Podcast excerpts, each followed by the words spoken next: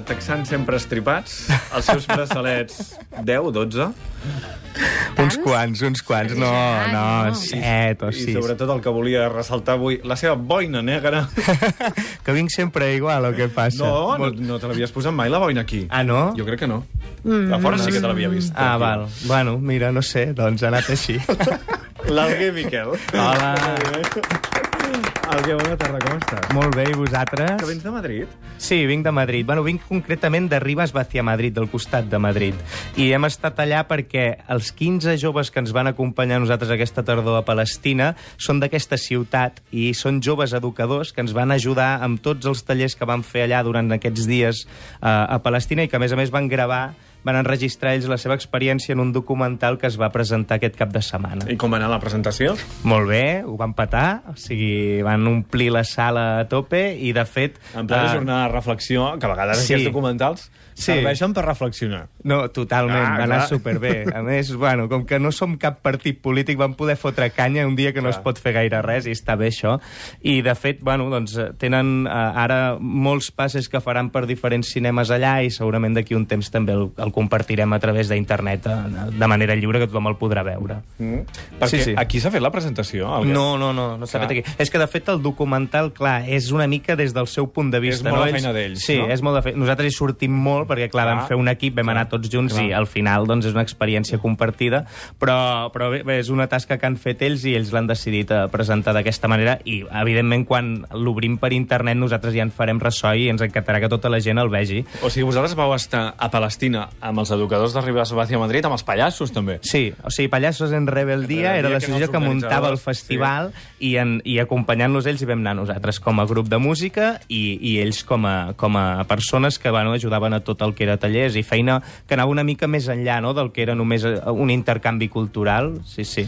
I allà a Madrid, aquest cap de setmana, a més a més, també l'activitat ha anat una mica més enllà de la presentació del documental. Han estat dos dies eh, eh, plens d'activitats que recaptaven diners pels refugiats i que, a més a més, doncs, donaven eh, i ressaltaven aquesta veu, aquest crit que Palestina, malauradament, cada dia ha de fer més fort perquè cada dia està en una situació una mica més crítica i entre tots els esdeveniments, les actuacions musicals que hi van haver, hi va haver una cançó molt bonica que molts grups de música doncs, van tocar i va ser una versió que, que l'altre dia ja vam fer sonar el Jorge Drexler i vaig pensar, mira, com que al Xavi li agrada tant, avui tornem a començar Gràcies, amb ell. I va ser una versió d'aquesta cançó. Por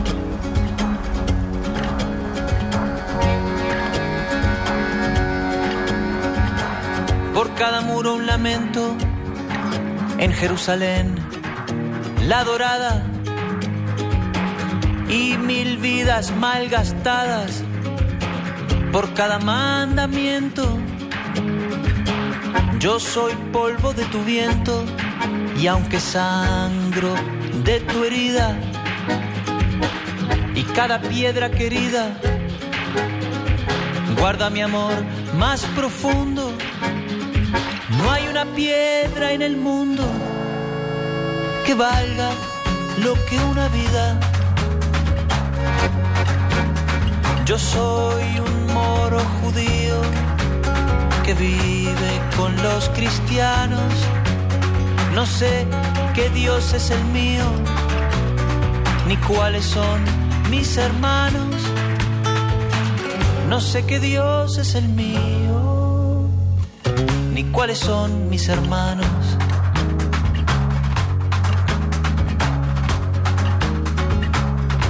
És la milonga del moro judío del Jorge Drexler. Que... Costa tant parlar sobre aquesta cançó. Sí, no? La, la podríem deixar i ja està.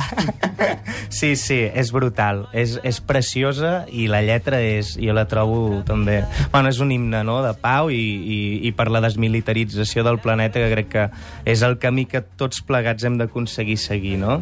Així que, bueno, un dia més us he tornat a parlar de Palestina, però jo vaig insistint perquè realment és una situació molt complicada i no fent res en som còmplices, no? I, a més a més, els nostres governs ho són activament, o sigui que jo penso que val la pena, doncs, eh, denunciar-ho.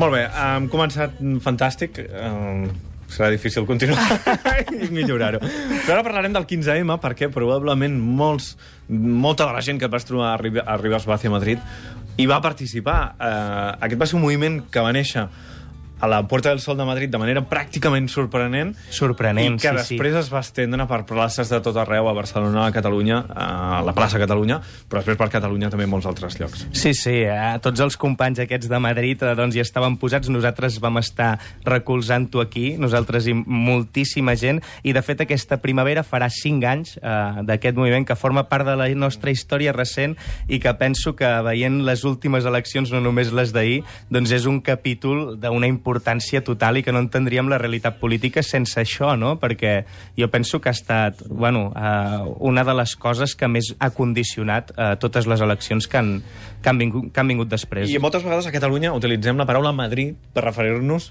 a una part de Madrid, no? I després hi ha uh, I tant, una clar. altra gent que mm, no Sí. apareix, no apareix en aquest Sí. concepte. Sí. Probablement, com ells també des d'allà tenen massa vegades una Exacte. única idea de Catalunya. Espanya no és el PP. Mira, passa una cosa molt senzilla, és que a Espanya hi ha gent que vota molt malament, igual que la tenim aquí.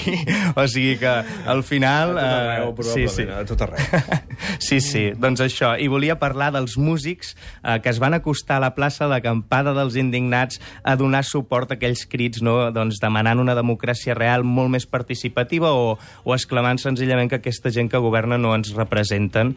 I entre ells eh, recordo un moment molt especial. Estàvem a la plaça i des de la, dels micròfons de l'Assemblea ens van fer saber que Julian Marley, el fill de Bob Marley, s'havia acostat aquí a plaça Catalunya, a Barcelona, i volia cantar les cançons del seu pare per tota la gent que hi havia acampada. Increïble. I va ser brutal i va, bueno, va agafar la guitarra i va fer sonar això. Sold I to the merchant ships. Minutes after they took I from the bottomless pit, but my hand was made strong by the hand of the Almighty. We forward in this generation triumphantly. Doncs el Julian Marley, un dels fills del Bob Marley, fent arribar l'ànima del seu pare amb aquestes cançons lliures que, que cantava. Un altre dels moments bastant bèsties i, i moments musicals importants que hi van haver a Plaça Catalunya durant l'acampada va ser doncs, també l'aparició del Manu Chao i un petit concert que va fer allà.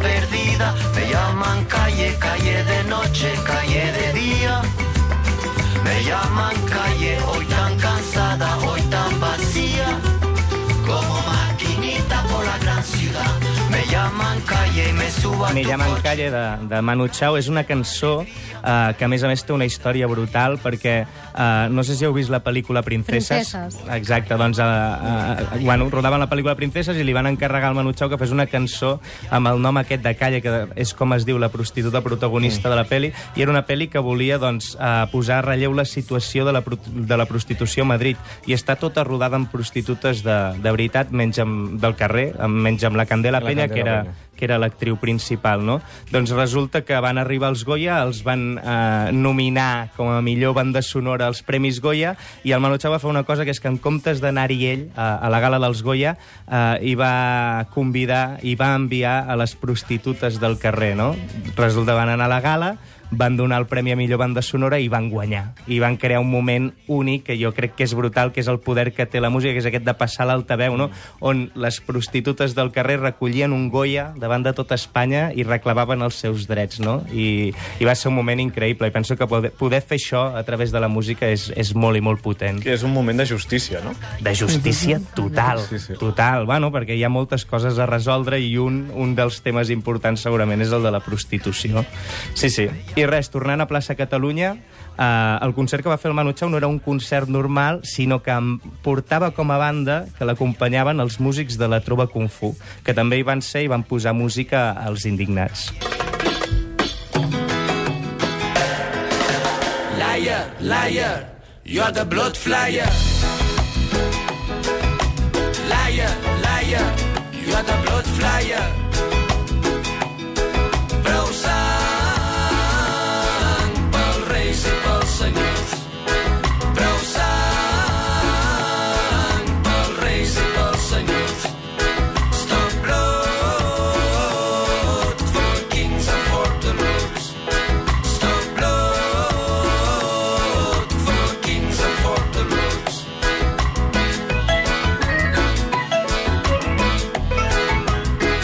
Amb la Trova Kung Fu acabem les cançons d'avui i jo volia recordar, perquè tinc aquesta inquietud a dins de com ho vam viure, que fa molt poc d'aquesta acampada i que va, va acabar eh, amb un capítol de violència totalment desmesurada amb, amb, amb la pressió de, de, de l'Ajuntament de Barcelona, el govern de llavors de Convergència i Unió i un abús policial bueno, eh, que ens van treure a hòsties, que fa quatre dies i segurament doncs era un reflexe de que veien que això era la llavor d'un canvi que realment s'ha traduït, no?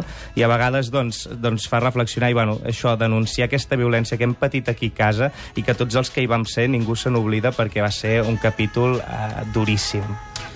Alguer, moltíssimes gràcies. Fins la setmana que ve. A vosaltres, merci. Adeu.